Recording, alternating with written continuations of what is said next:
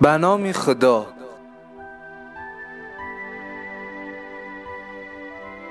داستانهای آموزنده. در خدمت مادر.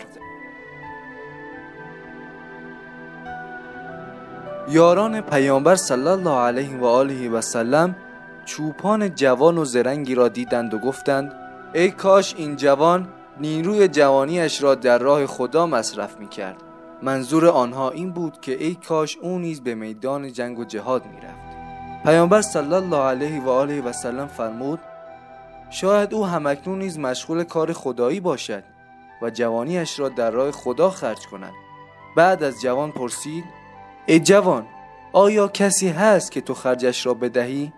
جوان گفت آری یا رسول الله پیامبر فرمود کیست؟